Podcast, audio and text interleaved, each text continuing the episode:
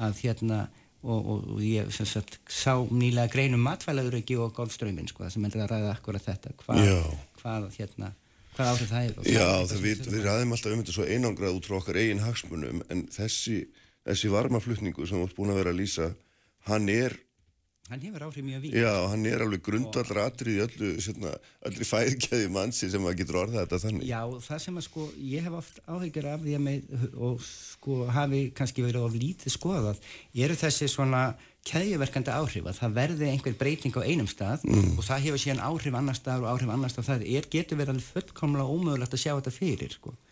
Og við þekkjum það reyndar mjög vel bara úr svona hefðböndum aðfangakeðjum, bara síðustu árein, sko, óveður í Tælandi veldur því að það er erfitt að framleiða hérna, tölfur í Japan vegna þess að það var einhver, hérna, einhver skemma sem að skemmtist mm. og vantaði réttu íhlutina eitthvað, sko. þetta eru svona þessar ófyrirsjámanlega keðjur og það sama gildur um loftjópskerfið það er fullt af keðjum þar orsaka keðjum mm. sem er erfitt að sjá fyrir hvað gerist og menn hafa haft áhyggjur af því að það verði það þarf ekki sko, kannski komin með sko hugmyndur um sjö mismunandi vendipunta í þessu, það er að segja punktar að sem eitthvað kerfi hrinur, það þarf ekki nema eitt þegar að vera réttur til þess að setja í gang alls konar svona keðjuverkun og bara hérna, trublanir og hyggsta í öllum hinnum kerfum mm, Já, en nú erum við kannski búin að þess að svona komast aðeins niðurstöðu þessu spjalli að, að, að þessi þessi svona fréttaflutningur á þessar tiltegningur eins og vorum að nefna og kannski verið aðeins og og gasalegur en, en samt sem áður er það ekki rétt líka skilið að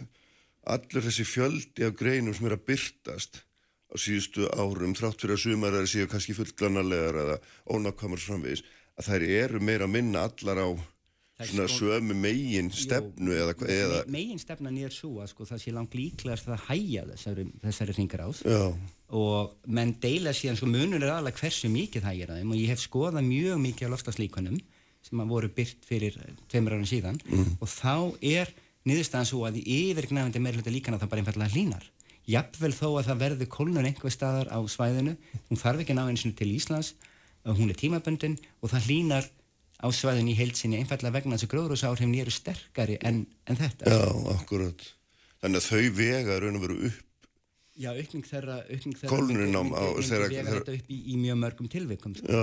það eru þó nokkuð mörg líkan þó það sem verður einhver kólnun tímabundið sko. og það er, passar fyrir okkur ágætlega því við vitum að hafið hefur mjög mikil áhrif á bara hitafar hér og ímsar breytur hér sko. mm. en hérna þannig að það geta verið sveplur tengt að því sko. en, en hérna en það er ekki þannig að, að, að þetta sé sko menn séu almennt sammála um að það verði eitthvað hruni eitthvað, menn er einmitt frekar sammála um að það sé líklegt að dræja úr þessu. Já. en hvort að það valdi nettokóluna á allarsafinu er eitthvað sem er svona bara daldi tilvöldlega kent Já, þetta er hérna en hvað hva með svona hluti svo, sem sé nú aftur bara sjálfhverfur? Hvað með lífriki hafsins? Hvað hva, hva áhrif hafa þessar þessi, þessi svona hægfara breyting til að mynda hvað áhrif myndi hún hafa á það? Sko það er eitthvað sem að sko er því miður ekkert alltaf mikið vitað um. Mm. uh, Lífrikjafsins kringum Ísland sín er ákveðin ákveðina sveiflur sko. Og sumar þeirra má tengja við breytingar í viðfari það er engin merki í hafinu kringum Ísland þar sem getur bent nákvæmlega á svo að já, hérna eru gróðrúsa áhrif að gera þetta og þetta og þetta. Það, hér eru sveiflur sem eru svona í takt við það sem hefur verið áður og hérna uh, þá er ég nú að meina á síðustu öll sko mm.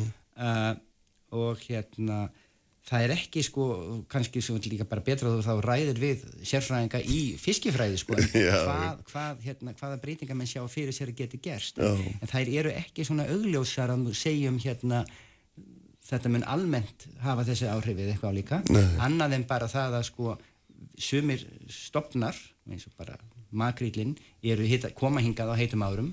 Aðri stopnar eins og loðnan mm. er, er kaldsjávarfiskur og hérna ef það hlýnar mjög mikið hér þá er ólíklegt að lónagöngu verði eins og reynda breytust þar heilmikið eftir árið 2000 þegar, hérna, kom hlýsjórin á, á svæði hérna.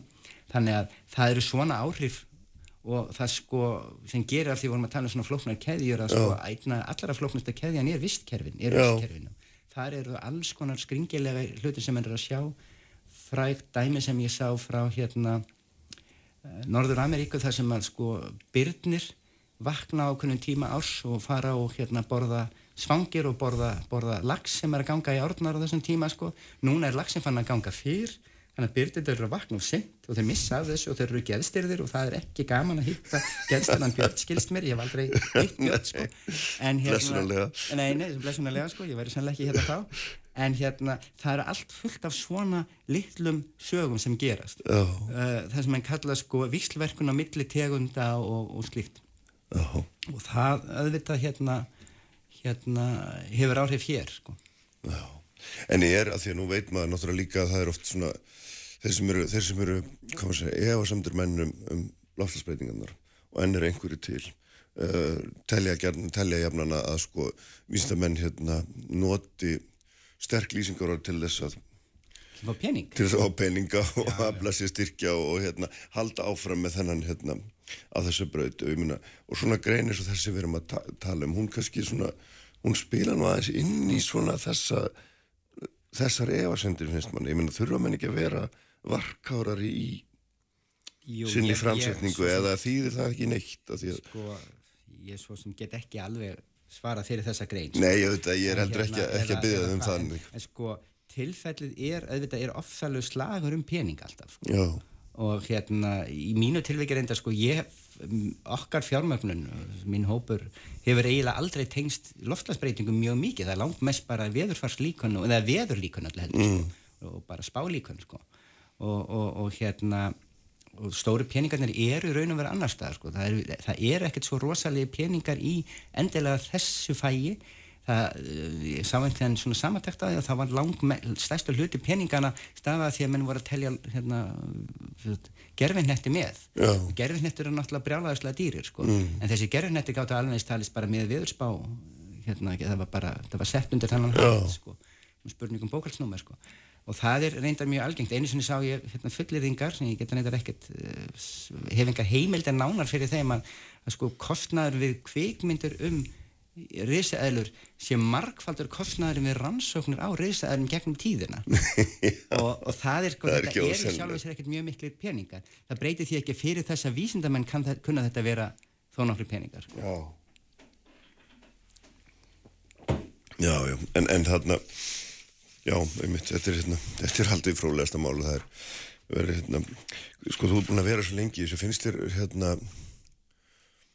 ég veit ekki, er, er, er við að sjá einhverja línulega þróun í vittneskinu sem þér finnst vera tröst og örug eða ertu alltaf jafn svona leitandi? Það, það er náttúrulega alltaf þannig að vísindin, sko vísindamenn eru yfirleitt á jæðurinnum, sko. Já að reyna það sem, að, það sem að þú ert að spyrja spurninguna hvað er að gerast, hvernig er þetta, hvernig virkar þetta sko? og það er ofta ekki finnum við lítið tilbaka sem hægt er að sjá einhverja breytingar. Það eru mjög miklar breytingar sem hafa bara orðið í vísindaheiminum frá því 1970 til okkar dag, á 50 árum, sko, mm. sem er alveg, alveg stórstíkar breytingar, en ég held að á þenn tíma sem það er sér stað, erum við ekkert endilega að sjá það, sko.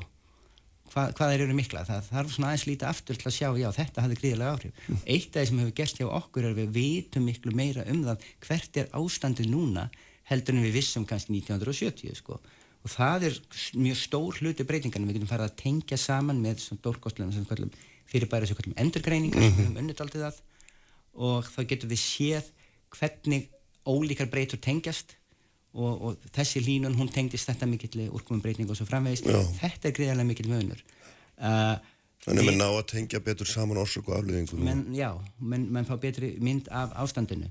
Þetta er yfirleitt talið saman í skýslum IPCC hver er þróunin hverju sinni, hvert er ástand þekkingar? Er, er orðanlæðið sem er mm.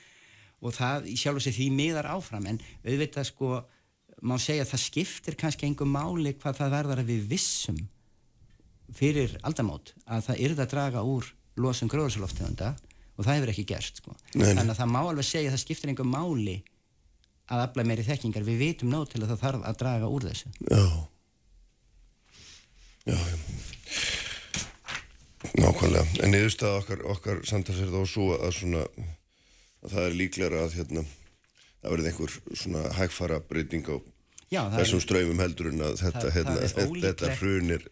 Hrun er ólíklegt, Já. það er ekki hægt að útiloka það, en það er ólíklegt. Það er held ég niðurstaðan og, og önnu niðurstaði sko að þú vilt koma, þú veist, ef er einhverja líkur á hrun og þú vilt koma í vekk fyrir það, þá er lang einfaldast og ódýrast að draga úr losum gróðursaloftegunda og kostnæðin við það er því sko brota brota af því sem að hrun myndi hafi för með sér. Þannig að hérna, það er ekki svo.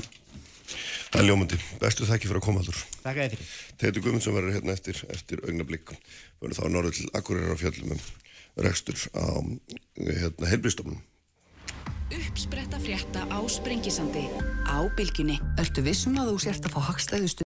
Sprengisandur, alla sunnudaga á bylgjunni.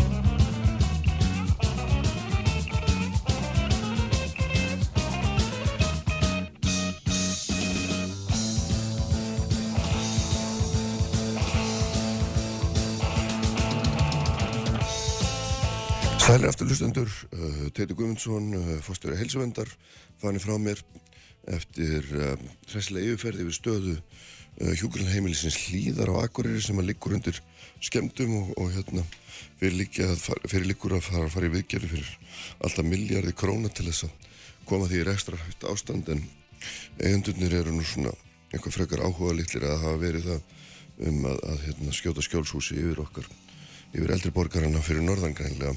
Nú já, já, Egert Valur Guðmundsson verður hérna eftir, hann er, er oddvit í Rangorþingi ytra, ætlum að fjalla þar aðeins um stöðuna í landmannalögum, en Sigmundur Davíð Gunnarsson er sestur hérna hjá mig, formaði miðflóksins og í símanum austrana landi er Þorgerður Katrín Gunnarsdóttir, formaði viðreysna, sæl og blessu Þorgerður. Já, sælir verið. Sko, mér langar aðeins að hérna, taka húsa okkur báðum um, um, um fyrirbreyði sem heitir, eða er kallað umræðu hérna, borgarleg gildi og hérna minnst mjög spennandi hugtak og, og hérna hefur þetta aldrei verið svona mjög í umræðinu sístu dag og þetta og aðeins líka taka hérna púlsin águr sem kunnáttum ennum Íslands stjórnmál því það verið svona eitt og annað vera að sjóða upp úr undir neri í, í hérna svona í, í hugmyndafræðinni. En sko hérna sem þú hefur verið að skrifa um þessi borgarlegu gildi og, og hérna og svona kalla kalla þá sem þau aðhyllast saman til þess að hérna ná einhvers konar tökum á umræðu til dæmis. Og ég er bara forvitin að vita sko upphafið, ég meina, hvað eru borgarleg gildi og hverju gegn hverju ganga þau eru að veru? Sem myndið að segja um þetta þetta væri svona einhvað sem enn þekka þeirri sjá það eða, eða heyra það. En það má líka lýsa þessu sem svo að þetta sé bara svona allt eðlilegt fólk, ekki upplöpsfólkið eins og Brynja Nílsson kallar það. En í rauninni þá held ég að með í skilgarina borgarleg gildi eins og þau hafa verið rætt áratugum saman sem það viðhorf að, þjóðin skipti máli og þjóðin sé ein fjölskylda. Og þar gildi ákveðna reglur sem að menn ætlist til þess að fyllt sé í því fylgist réttindi en einnig skildur og auðvitað grundallar reglur réttaríkisins mikið aðalatriði þar. Hlutir á borð við sakleysi uns sektir sönnuð. Málfrelsi, frelsi til þess að tjá ólíkar skoðanir og, og ræða þær. Hlutir sem að þeir eru, já, í vörn má segja, þessi, þessi misserinn, þessi árin, þegar að þegar upplaupsöflin mm. eða réttrúnaðaröflin sem að vilja umbylta uh, samfélaginu uh, eru mjög að sækja sér veðrið. Þetta er bara spurningum sem kalla mætti gömul og góð gildi sem að menn verja í gegnum ólíkar aðstæður gegn uh, sveiflum tíðarhandans. Er þetta eitthvað svona íhaldsemi? Myndur þú skilgrina þannig eða hvað? Já, í gamla til þess voru kratar margir hverjir í alþjóðflokknum stoltir af því að vera borgarlega sinnaður með öðrum orðum þeir væru ekki uppreysnarmenn þeir vildi ekki umbylta hlutunum þeir vildu verja jöfnuð og berjast fyrir honum en gera það einhvað síður á grundvelli þessara borgarlegu gilda þess að vera meðlimur þáttakendur í þessari fjölskyldu sem samfélagið er eða ætti að vera. Uh -huh. Og uh, þetta hefur verið í, í vörð finnst mér uh, vegna þess að umbúða mennskan sem er önnur andstaða borgarlega, gild, borgarlega gilda hefur orðið nánast allsráðandi í pólitíkinni núna. Það er ekki talað um innihaldið. Ég, ég er nú búin að nefna þetta áður hérna í þætti en ég, ég ætla að segja þetta samt einu sinn enn af því að hún getur bara máta þetta við en náttúrulega hvaða mál sem er í politíkinni almennt núna er rættumál út frá umbúðum og yfirlistum markmiðum, ekki innihaldi og raunverulegum áhrifum. Og uh, svona vestræn borgarleg gildi þurfa að byggjast á innihaldinu og rökræðu um það. Og það finnst mér þurfa að verja núna. Mm -hmm. Þorgerður, hérna, hvernig skilur þú borgarleg gildi? Því að þú ert hérna, þú ert svona sem að ég myndi lega mér að kalla, svo ég sletti nú einhverju fram, svona frjálslind hægrimanniska sem er kannski ekkit hérna, nákvæmar heldur en borgarlegt, ég veit það ekki. En, þetta er ekkit fjari lægi skýringjaður, ég, svona, ég skil, skilgreina mig líka þarna og borgarleg gildi fyrir mig gegnum tíðana hefur einmitt uh, þýtt að, að, að þeir sem eru borgarlega sinnaðir þeir hafa talað fyrir, fyrir frjálslind og mér veist svona frekar tólkunum í dag að kemur að borgarlegum gildu það verið að, að endur skilgreina uh, það hugtak inn í það að vera svona ákveðna íhaldsemi. Uh, hvað segir með borgarlegum gildum? Fyrir hvað er Ísland, hver, hvað er við fræg, við erum fræg fyrir náttúruna, fyrir listir, fyrir menningu, endurlega orku og allt þetta, fyrir Sigur og Spjörsk, Hildur Guðna, Vigdís Fimboa og þetta er allt svona dæmið um það að við erum opið frjálst samfélag. Og það er út af því að við höfum meðal annars og borgarlega öll hafa einur tala fyrir því að vera markvist í alþjóðsamstarfi af því að, jú, alþjóðsamstarfi það ítur undir frelsi og opið samfélag, frjálst og opið samfélag, það ítur undir mannréttindi til að mynda í, í, í samfélaginu. Og ég er alveg sammála semundi dag við það að við þurfum að, að passa sérstaklega upp á mannréttindi, að, að þessi grundvallar gildi í okkar samfélagi að, að þessi er vist og í grunninn þá þá eru þau það, en það má ekki gera þetta og tala fyrir breyting á borgarlegum gildum á þeim fórsendum að það, það nærist á einhverjum óta, torstrygni, eh, vantrú og jafnvel vanþekkingu. Þannig að, að í mínum huga er, er, er borgarlega gildi ákveðin takkmynd frjálslindis en mér finnst verra ef að þá að fara að íta því undir einhver íhjálpsmennsku. En ákveði er annars að tala um þetta núna? Við erum að horfa upp á stjórnaflokkana uh, engjast núna í þessu stjórnarsamstarfi og við erum að sjá uh, íhalsarminn í, í sjálfstæðisflokknu núna framma fram og ákveður núna? Því að ég er búin að vera lengi í pólitík eins og kannski fólk veit og það er ekki engin nýlunda að, að íhaldsarmurinn fari reglulega í svona ákveðna fílu ég er búin að upplifa það, það áður. Og það er rauninni ekkert að gerast. Og það er í hjá ríkistjónin og það er það sem að meðalansviðreysn er búin að benda á og líka Sigmundi Davíð búin að benda á og við erum búin að segja í sex ár að kyrstaða væri helstu og svona kannski almenn leiðindi væri helsti águstu þessara, þessara ríkistjóðnar og það er að koma á daginn. Og auðvitað finnst mér gott að, að sjálfstæðisflokkurinn er núna loksins að, að vakna til vitendur um að hann er einfallega hluti af vinstrustjórn og hann er að horfast í augu við það og þess vegna er, eru mínu gömlu vinnir í, í sjálfstæðisflokknu núna að reyna að rifja upp að eitt sinn þá voru þeir aðrunlífsflokkur og uh, þannig að ég er að segja þessi umræða sem íhaldsamur uh, í samfélagin er að reyna að draga fram hvort sem að er að grunni borgarlega gilda eða, eða almennra vannlíðan sjálfstæðisflokksins í ríkistjón að, að þá tengis þetta líka því að, að hluti íhaldsins er um, pyrrað það er náttúrulega inn í þetta spilast að mínum að þið brosnar vonir og vendinga einstaklinga við það að vera ráþeira eða þingmenn uh, og þeir hafa síðan ekki náð fram en í þetta spilast þetta allt. Þannig að í mínum huga er þetta ekki nýtt að, að íhaldsarmurinn er svolítið að, að þennja sig en, en við þurfum auðvitað að hafa varan á að við sem að tölum fyrir frjálslindi og, og frjálsu opnu samfélagi við þurfum auðvitað að svara þessu. En, en En á endanum þá fyrst mér þetta að vera svolítið mm, umdistrykka það að, að eins og staðinni núna er, er sjálfstæðisflokkurinn vart stjórntækur í ríkistjórn. En er, er, er þessi orðborgara lekt og frjálslindi, er það einhvers konar, ég veit ekki, andstæður hvernig skildu það gerur? Nei, ég hef einmitt ekki skilið borgarlega gildi sem, sem anstæði frjálslindi, miklu heldur eins og ég sagði borgarlega öll, hvað sem þið eru. Við erum að sjá til að mynda hægriflokkin í Nóri fara að tala fyrir enn frekar og aukna alþjóðarsamstarfi hér á Íslandi, öll skref sem að við höfum tekið í alþjóðarsamstarfi opna landið okkar. Hvað sem að þegar við gengum til þess við, við NATO 49 þá jökum við varnir og öryggi landsins, örðum aðilega efta, örðum aðilega að, að Allt, allt saman fyrir forgöngu borgarlegra afla í, í, í samfélaginu. Og þetta hefur bara styrt Ísland, þetta hefur bara aukið okkar lífskeiði og þess vegna þegar maður heyrir þessar rættir uh, meðal annars inn og nú sjálfstæðisflokknum að, að, að það er hugsalega að snúa við eða, eða svona risikera EES samningnum það er verið að tala um alls konar mál sem að mér finnst freka að vera að bera vott um afturhald heldur en framsýni að þá þetta, uh, þurfum við að staldra við og það, þess vegna er, er viðri streyði búin í það að ræða hvert við erum að stefna sem samfélag þegar svona íhaldsöflin byrja að sína sér meira heldur en áður.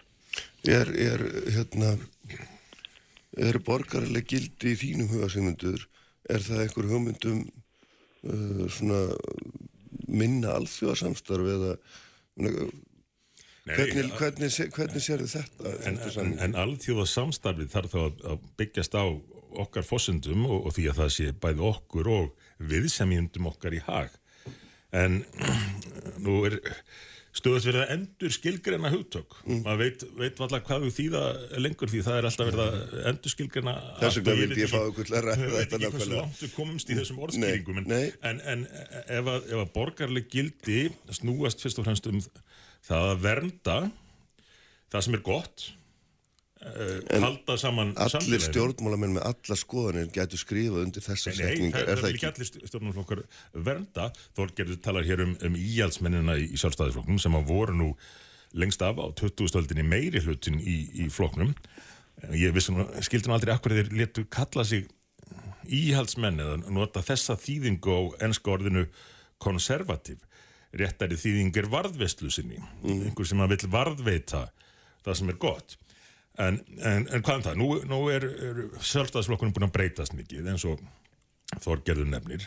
Og það eru einhverjir, auðvitað, eðlilega ósattur í það, en, en samt völdin í flokknum liggja hjá hjá fólki sem að er held ég miklu meira á, á línu Þorgerðar. Hún ætti að vera ánað núna hún ætti að vera eins og blóm í eggi. Sjálfstæðisflokkurinn er orðin eiginlega eins og viðreist og ekkert því til fyrirstöðu að, að flokkarnir saminist aftur. Uh, þó að þarna séu en þá gamli góði prinsipmenn sem að svona andmæli aðeins núna eðlilega. En hvað, hvað gera þeir? Við höfum séð þetta áður, við höfum séð á benda á hitt augljós að, að flokkurinn væri búin að, villast af leið en svo er þeim alltaf smalað heim í hús og, og, og þeir gera ekkert þegar það á reynir sjáum þegar umræðan hófst núna með skrifum til dæmis Brynjars og Elliða það fóru greinlega svipurnar á lofti í, í Valhöll og, og þeir mættu aftur og, báðum eins og að, að halda sig heima. Og þetta er nálgunin hjá flokknum núna og meðal annars þessum gaggrínundum innan hans að bara halda áfram að býða og vona að vonast til þess að á einhvern hátt komi 20. öldin aftur og sjálfstæðisflokkurinn verði 40% flokkur og það verði ekki svona margir flokkar til þess að fást við og þeir geti bara stjórnað þessu en það er ekki fara að gerast Uh, og þeir ættu þá að berjast fyrir sinni sannfæringu og því að endurvekja það besta í stefnu og sögu sjálfstæðisflokksins sem að sannarlega hefur hefur haft mjög mikil áhrif á, á þróun samfélagsins, eins og raunar aðrir flokkar líka. En, en er, er núna búin að villast af leið, er tindur, er lendur í ímyndar og umbúða stjórnmálunum en, en það það ætti að glefja Já, aðra já. sem, að, sem er í, í þeim bransa Já, þú segir hérna sem myndir að sjálfstæðarflokkur sé orðin eins og viðreist og Þorger segir hann sé vinstriflokkur þetta er orðið mjög, hérna, þetta er orðið flókna skilgreiningar sem við erum að fastu Já, hérna hann er ekki viðreist ministri flokkur líka í raun. ég, veit það ekki, Það Þorger er kannski bara, hann gerði, sko, við meðum ekki gleyma því að sjálfstæðisflokkurinn kaus að mynda stjórn til vinstri. Hann kaus að gera málamiðlani við Ístaflokkin í pólitíkinni sem eru vinstri græn og við sjáum það alveg og ég, ég veit að Sigmundi Daði er alveg sammála mér í því að þegar við horfum á til að mynda ríkisfjármálin að, að þó að sjálfstæðisflokkurinn hafi liklaveldin í fjármálrandinu að þá er það vinstri græn sem að ráða fyrr þegar kemur að ríkisútgjöldum. Við, viðreysni er búin að leggja fram ótal tillögu varandi aðhald í ríkisrekstri, varandi það að einfalda kerfi, saminastofnanir, auka hagvust og svo framvegis en það má ekki seifa við neina og það er þess vegna sem ég segja að, meðal annars að ég kausa myndastjórn til vinstri og gera málamiðlanir þanga þegar annað þetta hefur verið í, í bóði. Já, mér finnst náttúrulega ég segi bara hverjir eru það núna sem eiga sviðið, hverjir eru það sem að er að tala. Það er íhaldsöflun í sjálfstæðarflokknu. Ég sakna þess einmitt að, að frjálslendu öflun segi eitthvað. Þannig að mér finnst náttúrulega alveg einbóðið ósamála sigmundi vinni mínum að, að sjálfstæðarflokkurinn eru auðvitað að stefna í þessa átt að reyna að verða miðflokkur eða allavega spyrna við því að, að það fari fylgi yfir til miðflokksins og það er náttúrulega mun gerast ef að ef að Sigmundur heldur áfram ótröður þessari, þessari orðræði því að, að það er vanlíðan innan sjálfstæðarsloknins einmitt með þetta. Við En, en að- Þorgerur, hvert hefur fylgið farið frá sjálfstæðarflokknum? Þau voru með könnun hérna á stöð 2 í, í fyrrata held ég og fylgið fór fyrst og fremst á pírata og samfylkinguna. Og af hverju er það? Það er af því að þessi sjálfstæðisflokkur er byrjar að líka eftir þessum flokkum. Og þá hugsa menn sem svo, herru, við förum bara á upprunulegu flokkana. Vist að menn sé að sjálfstæðisflokkurinn segir að, að þetta sé í, í lagi. Ég, ég sakna þess einfallega þessi ríkistjórn og það er það sem að viðrisnið verið að kalla eftir. Taki ákvarðanir. Í sex ár hefur ekkert verið að gerast. Ég held þegar að ríkistjórni til að mynda var búin að afhenda öll sín völdi í COVID yfir til þreimenningana góðu að hún, ríkistjórni myndi fjandakotni fara í það að undirbúa sig hvernig það ætti að vera samfélagi hérna eftir COVID í ferðarþjónustunni að koma regluverki þar í gegn sem að myndi íta undir það að við værum í verðmætasköpuna ekki bara í fjölgun ferðamanna. Eða það að við myndum taka á ríkisfjármálunum eins og ég segi eða einfallega að taka ákvarðanir í orkumálum vera tilbúin í orkuskiptin. Ekkert af þessu er, a, er, a, er að gerast En núna helstu það raunverulega að þau myndu nýta tíman með þessum hætti? Já, Þetta er ekki að pólitík. Ríkistjórnin myndi nýta tíma með þessum hættu og svo Mm. núna bara í voru þá gæti hún ekki einu sinni uh, fyllt eftir því að, að, að láta ríkisáttar sem er að fá tillýðileg völd til að, að stuðla stuðuleika vinnumarkaði núna þegar þungar uh, erjur á vinnumarkaði eru framöndan þannig að að þetta, þetta fyrir að vera kostnaðir sem ríkistjótt fyrir okkar samfélag og, og þess vegna segir við í viðreist, við erum búin að vera með ótal tillögur um það hvernig er hægt að hagraði í ríkisrekstri, hvernig er hægt að auka hagvöxt, að bara farið og takið ákvörðu, nei er líka svar en þetta jafnli jamla á föður sem er núna innan ríkistjóðanina þetta fer að vera mjög skaðsam, skaðsamlegt fyrir Íslands samfélag til skemmri og lengri tíma litið. Mm. Langar að þess að hérna, sko, halda áfram að tala um borgarleg gildi í einhverju skilningi vegna þess að, að það er þetta líka út í Európu, í Bandaríkjónum, Breitlandi, hérna, svona ekki ósvipuð orðræða í gangi þar sem við mennum að reyna að endur heimta einhvers konar, hérna, einhverja glataða tíma og, og þarna, og þetta er einmitt, hérna, svona, hvað maður að segja, þetta eru svona ofta aldrei miklu tengt svona populista flokkuðum, þetta eru sterkir leiðtóar mjög víða, við sjáum þetta í Ungurlandi, Pólandi, Tyrklandi, við sjáum uppgang hérna hægri afla á Norðurlandunum uh, hérna og, og, og, og víðar. Og, það, það er verið að tala inn í einhvert ástand sem að manni finnst vera hérna, einhver sumpart verið að gera hérna, hérna heima líka. Já, nú komum við aftur að þessu með, með hvernig merking orða er alltaf að breytast. Hér, hér setur hlið við hlið populisma og borgarleg gildi. Ég hefði litið á þetta sem andstæður. En það er búið að, að endur skilkurinn orðið populisti á ýmsan hátt. En, en sko líðskrum og það að elda e, sveiflur tíðarandans hverju sinni nýjustu tísku og vilja umbylta öllu og rústa öllu til þess að byrja frá grunni það er anstaða borgarlega gilda sem snúast um að vernda það sem að vel hefur reynst og byggja á því, halda áfram að bæta það. Uh, virða þessar grundvallar reglur sem að hafa reynst samfélaginu best í gegnum tíðina. En nú er, já það er, það er mikið, það er mikla breytingar í politíkinni eins og nefnir í, í Evrópu og, og hér líka og, og gamli hægri vinstri ásinn, kannski ekki alveg í, í gildi lengur. Uh, þá myndi ég segja nýji ásinn, nýja nýju nýja skiptingin í politíkinni sé mill innmitt líð skrumarana tísku umbúða politíkusana og svo hinna prinsip uh, politíkusana þeirra sem að vilja og, og treysta sér til að tala fyrir ákveðnum gildum og hefðum og verja það og gera það líka þegar það er erfitt. Og sjálfstæðisflokkurinn er þarna svolítið inn, inn á milli en uh, að undanförnu hefur flokkurinn þó eins og, eins og menn kvarta sem er undan núna færst miklu meira yfir í umbúðamennskuna og, og nýjustu tísku og, og elda hana uh, en svo, svo reyndar þessir ágættu menn sem eru núna að setja út á hvernig flokkurinn hefur þróast. Þeir eru konir með þá línu að þetta sé nú bara af því þeir hafi lendi í, í slæmum félagskap og uh, búin að vera í ríkistjórn með, með flokkum sem að séu allt öðruvísi og, og hafi afvegarleitt uh, blessaða sjálfstæðismennina. En er það svo í raun?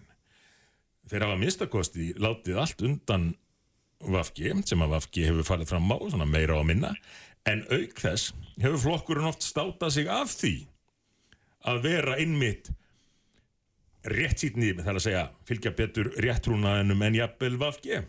Ég hef skrifað hér grein á vísum til dæmis innflyttamálin, hælislendamálin, sem sjálfstæðisflokkurinn hefur leitt í, hvað, meirinn áratug, uh, kom með útlendingalögin, ónýtt útlendingalögin sem þetta allt saman byggir á, hefur keirt í gegn mál sem hafa auglýst Ísland sem áfangastað og gert okkur erfiðra fyrir að hjálpa þeim sem er í mestri neyð. Svo er Jón Gunnarsson settur út úr ríkistjórn og, og, og þá telja mér náttúrulega til þess að segja, herri, við, við vitum alveg að þetta er vandamál með þessi útlendingamál, en það er hinum að kenna. Sjálfstæðisflokkurinn er búin að leiða málflokkin í áratug. Já, ég, hérna, populismi, ég held að allir viti og það þurfi ekki að útskýra, ég, það, ég held að fáur þurfa að fá útskýringa til að mynda frá Sigmundi Davíð um það hvað er populismi, ég held að populisti einfallega er, er algjör atlaga að, að frjálslindi, við sjáum Trumpismann, Vestanhaf sem að sumir vilja meðal annars eina dagblað landsins í dag vil, vil uh, svona íta undir, við erum að sjá, þú veist, Orban, við erum að sjá ákveðna tilningu eins og þú sagði réttilega í upphafi Kristján. Og það er það sem ok, við, okkur bera við, okkur bera varast uh, svona, svona umræði eins og að mínumati eins og Sigmundi Davíð er að gera. Það sem hann segir hins vegar réttilega er að sjálfstæðarslokkurinn er í meira en tíu að búin að bera ábyrð á útlendingamálunum. Og við erum í rauninni stefnulegs, við erum ákvörðanlegs og við erum stefnulegs ég ætla hins vegar ekki að fara þá leið sem að Sigmundi Davíð er að tala um og því að mér finnst að vera ala óta, mér finnst að vera ala ákveðni vannþekkingu að því að þetta snýst ekki bara um hælisleitindur sem eru eitthvað um 2600 eða 700 talsins. Þetta snýst líka um alltaf það útlendinga sem að við þurfum á að halda til þess að reyka hér samkeppnisæft umhverfi samkeppnishæft aðtunlífi, eigum að tala um uh, sjáuröldvegin, eigum að tala um helbriðiskerfið, eigum að tala um ferðarþjónustun og það er þar sem að minnst ríkistjónin hafa klikkað aftur og aftur. Hún er ekki tilbúin með innviði, hún er ekki tilbúin með húsnæðismál, hún er ekki tilbúin með þá þætti sem að þurfa að vera til staðar til þess að geta tekið á móti fólki.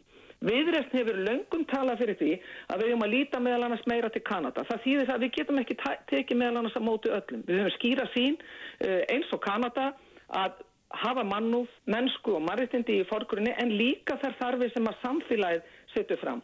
Og við þurfum annarkvort að setja uh, ákveðin, uh, ákveðin hámark á þá sem að geta komið eða í samræmi við þá fjarlög hverju sinni. En þetta miðast allt við mannréttindi og mannúð og það er sko, nú bara það er alveg að segja það að hælisleitindur séu mesta vandamáli sem Íslandi við, við það sem við höfum hins vegar ekki gert og ríkistjórnin ber fylstu ábyrð á að hún hefur ekki verið tilbúin við, með sitt, sína innviði og sínar ákvarðanir og sína framkvæmdi til þess að, að, að, að taka mótið þessum breytingu sem að núna eru óhjákvæmilegar í íslensku samfélagi.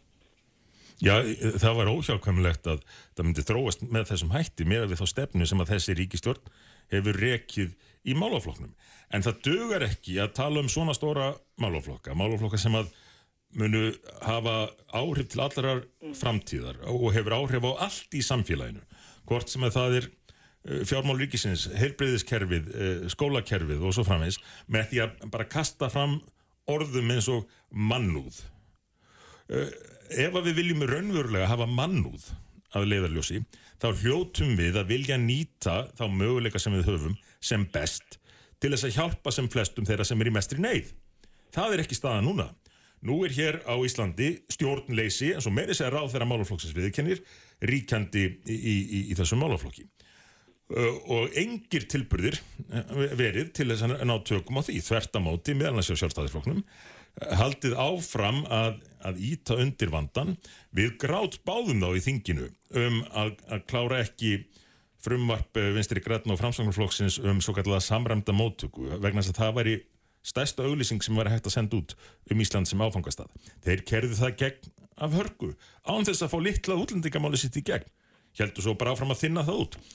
En svo mæta þeir núna og segja við höfum áhugjur af, af þessum hælisleitnamálum en það er hinum að kenna.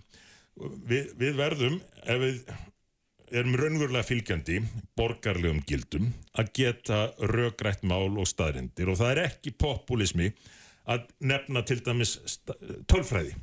Eins og þá staðrind að á síðast ári fjölgaði erlendum ríkisborgurum á Íslandi um 15,4 fyrir hvern einn Íslanding, íslenskan ríkisborgar sem bættist við.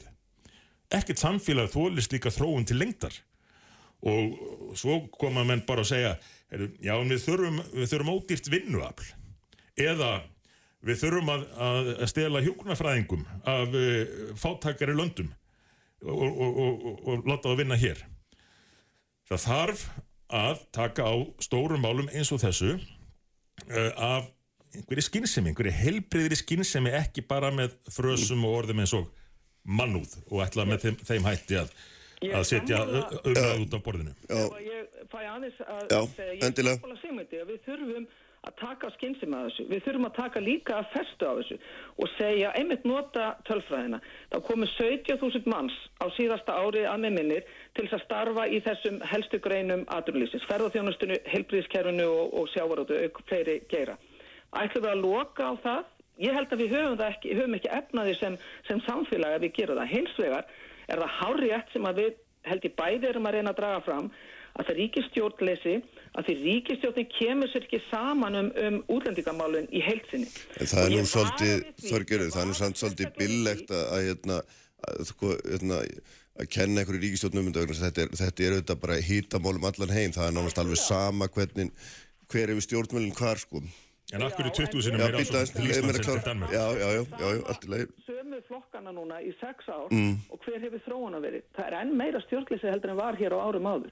Þannig að það vantar einhverja framtíða sem hún byggist ekki, um, það er erfitt þegar eru svona þrýr ólíki flokkar í stjórn að komast að einhverju niðurstu. Þess vegna endur við alltaf á þessari kistu og að þessum almennu leiðindi sem fylgja þessari ríkistjórn. Ég og Sigmundur Davíð, við kunum okkar hugmyndur um borgaralegi gildi kunna að skila stað þegar rættur um mál sem snúast um, um framtíð sem verður ekki einu svona okkar sigmyndur að dæmum, heldur barnana okkar og barnabarnana.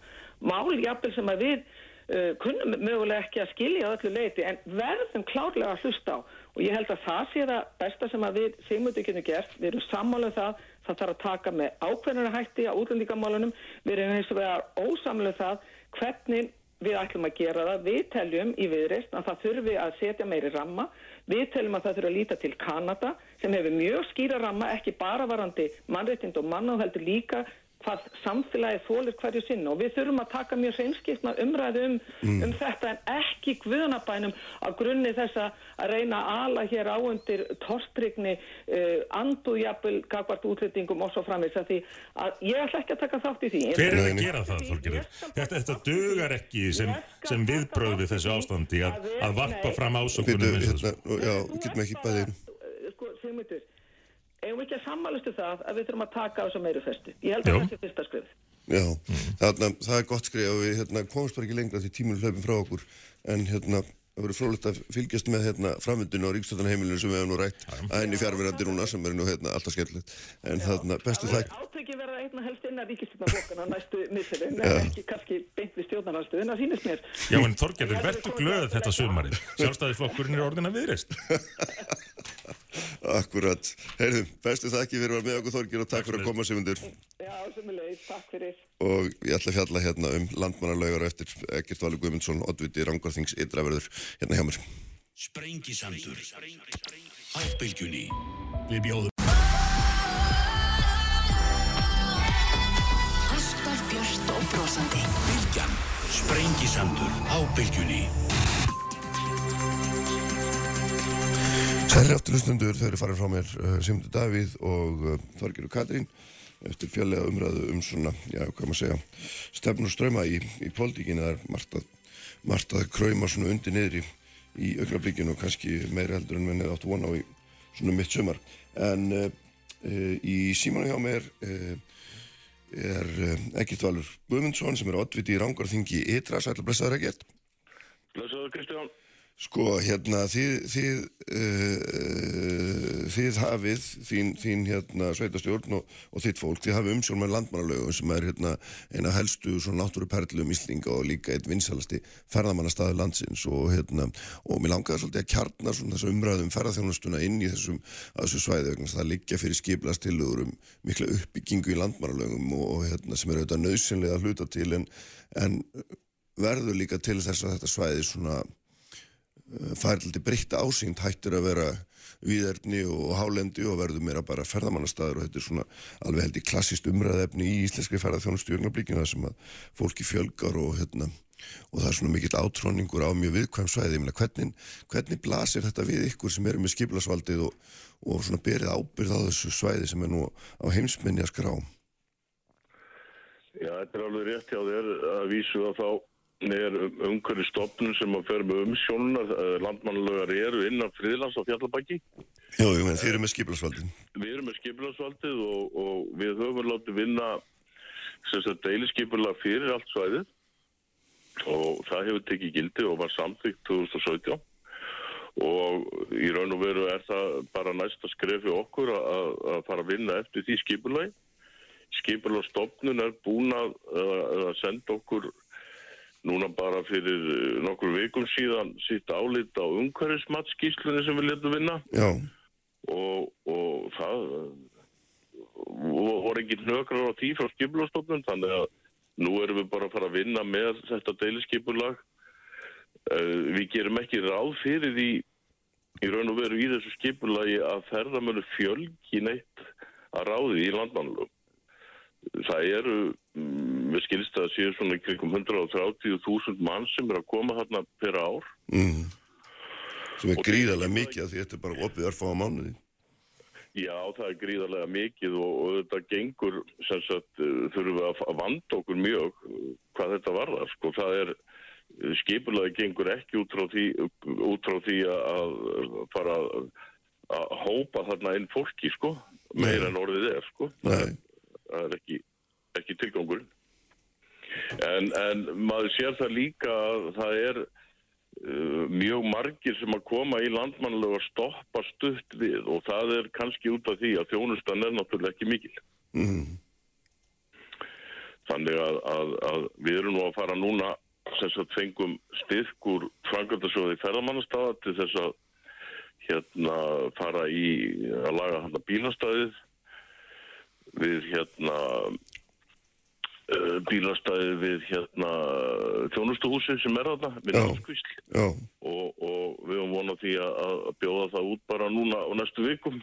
Já, en mér að það eru heilmikla framkvæmdir í inn í, inn í þessu deiliskypulagi sem að búið að samþykja að búið að setja fram hugmyndur um uppbyggingu á þjónustsvæði á skálum og, og hérna nýjum tjaldsvæði og bílastæðum og, og, svo framvegis og svo framvegis. Og ég meina og er náttúrulega því þið horfum alltaf framhjáði því að með þessu verður þetta fær svæðið annað yfirbræð og það sem verið er að selja getum sagt það sem, sem svo sem er ósnortin náttúra, víðerni, hálendi hérna, öræfi, ég meina þetta hverfur náttúrulega með einhverjum hætt er það ekki?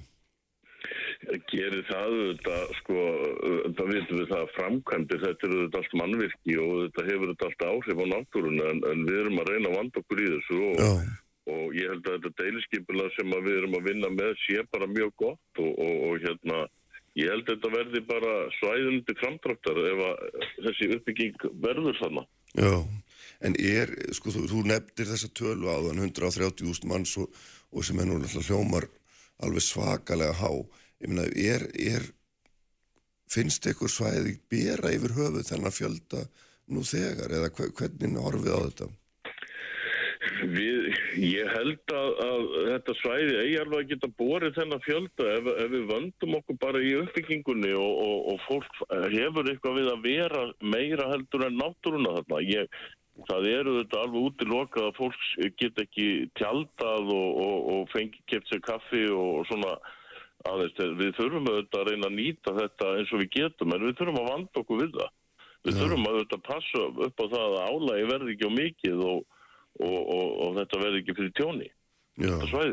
En er, finnst ykkur, er, meina, að því að mann tala ofta um hugtök eins og þolmörk, sem nú reyndar kannski ekki nákvæmlega skilgrind og þarf kannski að skoða hver, hvert skipti fyrir sig, en ég meina, er, er, er, það er einhver þolmörk, það er einhver mörk á því hvað hægt er að, að hérna, taka á móti mörgum á hverjum tíma, hversu mikla aðstöður hægt að byggja upp hos framvegs, er það ekki? Jú, jú, þetta hefur, er það, þetta líkur það alveg fyrir að það er ekki, eins og ég var að segja á þann að það er ekki hægt að hrúa alveg endalust á fólki þarna á þetta svæði.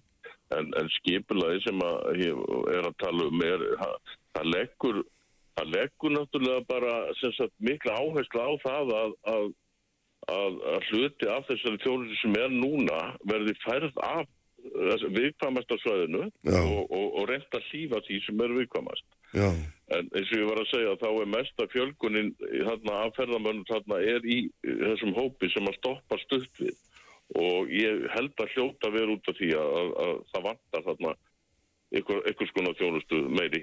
En hvað er það þá markmið að, að, þú segir að það er ekki markmið að fjölga ferðamönnum en um leið og eigur þjónustuna þá munum náttúrulega þeir sem þó koma að dvelja lengur sem aftur Já. þýðir aukið álag á svæðið. Já, já, ég meina þetta er bara mjög vand með farið Já, saman sko já. og hérna ég er svo sem er ekki með alveg svörin á hreinum Nei, nei. En, en, en við erum öll sammálum það að reyna að fara mjög vanlega í, í þessum ágangi þarna sko, það er þetta bara þannig Já, og, og það er nú það er nú sko vegurinn þarna innettir, hann er nú ekki kannski upp á upp á topp sko, hann er nú, uh, þetta er nú svona svolítið mál að komast þetta, ég meina það Þetta er nú bara hálfgerðu slóði þannig innittur og ég held að það sé nú mörguleiti bara ágætt, sko. já. Svona- En, já, já. En hvað hva svona, þú veist, hverjir eru, hverjir eru sko hagsmunir sveitarfélagsins í raun og veru? Er það ykkar hagsmunir að þarna fari sem flestir um og verði byggt upp eða, eða teljið upp meiri hagsmunir vera bundna í því að, að halda svæðinu eins, hvað maður segja, óskert og upprannulegu og mögulegt er? Ég held að hagsmunirnir okkar líki helst í því að reyna að halda þessu eins og óskert og eins og mögulegt er en við getum auðvitað ekki loka svæðinu og við, ég held að þurfa að vera þarna svona lámast þjónusta. Ég held að en fjárhagslegir hagsmunir sveitafélagsins með uppbyggingu þarna er þeir eru hverfandi, ég meina við þurfum að horfa fyrst og fremst bara á þetta náttúruna og þetta náttúru undur sem þarna er. Mm. Það er, það er þetta náttúrulega fjöldi göngulega þarna og laugavegur alltaf að verða vinsall og vinsall í göngulega þannig, að- þannig að fjárhagslegir hagsmunni sveitafélagsins eins og ég segi eru hverfandi í þessu. Já, en ættu þeir að vera einhverju, finnst þér til dæmis væri, ég veit ekki að þetta er, þetta er öðlind og hún er takmarkuð, ætti að, ætti að rukka inn á svona svæði, finnst ykkur það vera Ekki, en, en mér finnst kannski sko, við munum skoða það mjög, eins og ég var að segja á hann, þá erum við að fara að, að laga þarna bílastæðið og, og, og svoleiðis og mér finnst alveg koma til greina að skoða til dæmis einhverja gjaldtöku þar, ég menna, akkur ekki, Já, og, en við höfum svo sem ekki tekið þá umræðum að rökkinn á svæði, það, hefur ekki, ekki, ekki verið rætt sko, en, en mér finnst alveg koma til greina að rukka, rukka fyrir bílastæðin, já, til dæmis sko. já, já, því nú hefur svo sem komið fram í könnunum að, að ferðamenn eru tilbúin að greiða eða margir sömur þeirra, minnst þú veist, eða margir sem spurðir hafa verið, eru til- tilbúin að greiða eitthvað svona eitthvað gjaldi ef þeir, eh, ef þeir eru fullvissir um það að því gjaldi sér varið til þess að venda náttúruna, þannig að hérna, meina svona í því samhengi þá getur maður ímynda sér að svona staður væri, það var auðvelt að að færa rauk fyrir því að hérna, hægt verið að, að fólk borgaði fyrir að fara þarna inn og því skildi það ekki gera það, búið að leggja í heilmikil undirbúning við stígagerð og, og, hérna, og þess aftar til þess að auðvelda fólk í för. Mér finnst það alveg koma til greina að skoða það sko en, en, en við sjáum hvernig þessu framvindur og, og hvernig uppbyggingi verður á næstu árum en, en allavega munum við skoða mjög vel allavega þess að byrja með uh, hvað var það gjaldtök og bílastöðan ég held að það sé bara eitthvað sem, að, sem er í, sjálfu sem bara eðlilegt. Mm.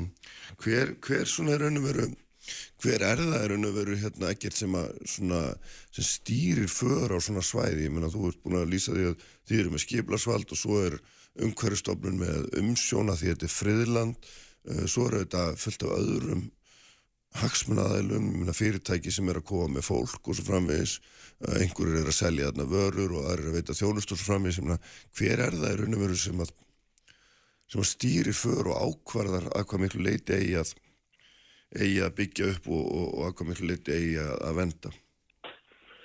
Sko við þetta stýrum því hvað er byggt upp þarna, sko, hvað var þar eh, skilur uh, húsnæði, þjónustu hús og annað slíkt. Við stýrum að þetta og ferðarfélagið er náttúrulega með rekstur þarna búin að vera náttúrulega síðan, ég, veit ekki, ég, Þegar elstu menn muna bara. Elstu menn munna, sko, þetta er friðlýst, landmannlögur eru friðlýstar á 1979 en ég get svo sem ekkert svara því öðru sér til heldur en að við förum auðvitað bara með skipularsvaldu og stýrum því hvaða byggingar koma hann og slíkt, sko. Mm. En ég sé alveg fyrir mér á svona, á næstunni að þá svona, eh, mér finnst svona í raun og veru kannski eh, hérna af heimafólki hérna í mínu sveitafélagi kannski landmannlegum ekki verið síntur nægjal, nægjaleg virðing og áhugi ég hafi nú bara segjast alveg svo Já, hvað mennur það með því? Í, ég sko, það er náttúrulega búið að vinna þetta deiliskypulag og þetta er búið að taka mjög mörg ár í vinslu og þetta er auðvitað inn á háleitunum þetta er, þetta er svona svolítið fjarlagt hérna heimamönnum og, og, en ég held að, að ég veldi breyting á því svolítið núna.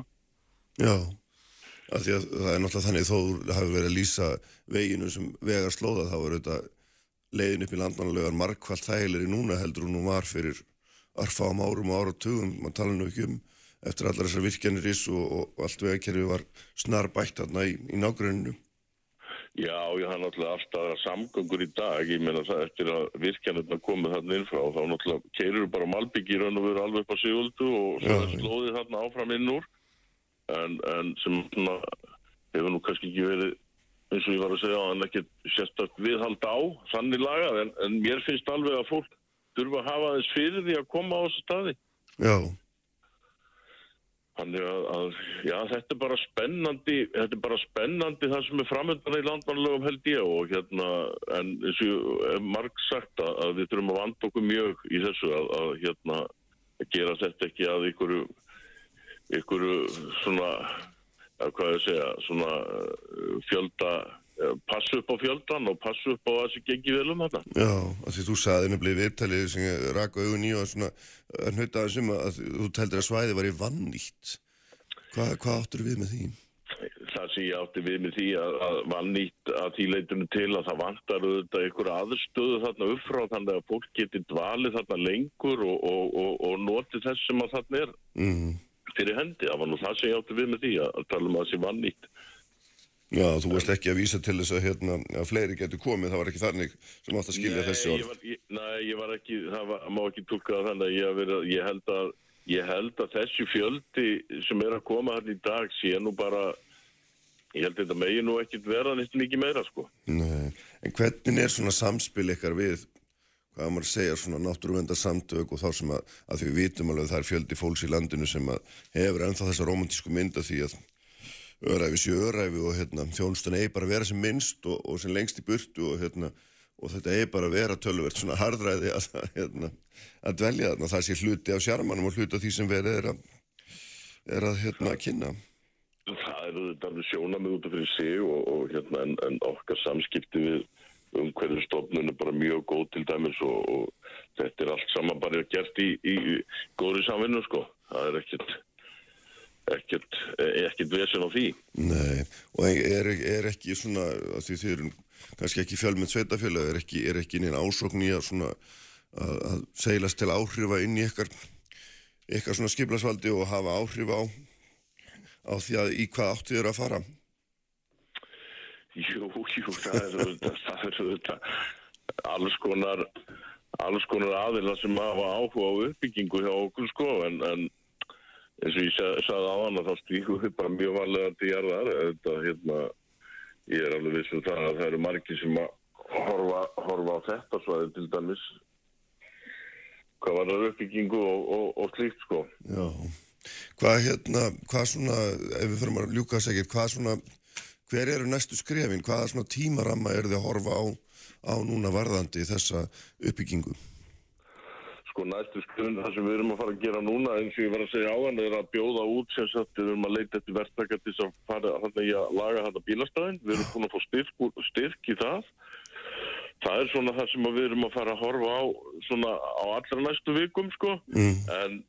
en síðan bara gerir ég ráð fyrir því að við komum til með að vinna áfram sem sagt, hérna í takti þetta deiliskypilag sem er í gildi. Já, og, og það voru nú reist þarna um daginn skílið þarna sem var nú svona smá já, sem að sitt syndist hverjum um. sitt síndist hverjum um en, en það eru þetta bara allt saman gert eftir hérna lögum og reglum og, og hérna og, þú veist það er uppbygging á svona svæði þú veist það hafa allir sína skoðanir á því Já. við veitum alveg hvernig það er Já, já. en, en, en eins og ég segi þá, þá vinnum við bara áfram með þetta deiliskypulag og, og svo sjáum við bara hvernig málið þróast Já, en þessi litla framkvæmt, hún kristallaði nákvæmlega það er mitt hversu, hversu viðkvæmt þetta er allt saman. Já, algjörlega sko algjörlega það var allir skoðanir á þessu Nákvæmlega. Heyrðu, hérna, við komumst ekki lengri í bíl allavega en það verður frólægt að fylgjast með því hvernig, hérna, hvernig eitthvað vinst úr þessu því að það er auðvitað, hérna, engum ofsögum sagt að það er, eins og þú ert nú sjálf búin að margnefna, það er, menn verða að vanda sig á svona viðkvæmi, viðkvæmi svæði. algjörlega Ljómandi ekkert, bestu þakki fyrir að vera með mér í dag. Já, takk fyrir, bless, bless Blessaður. Og uh, þá förum við nú veist ekki mikið lengra á sprengisandunum í dag, það er svo sem farið, farið vítt og breytt rátt fyrir hérna, rátt fyrir sumar tíð og eldur slaka rödd, byrjum afsökunar henni aftur, ég veit hún hljómar sannlega ekki mjög vel í eirun hlustenda en uh, Jú, Davíð Haldursson stýrði þetta útsendingun eins og hann gerir alltaf, allt efni finnir það á bilgjarn.is og vísi.is og, og í bilgju appinu. Svo ætlum við að vera með ykkur hér aftur eftir viku. Verðið sæl.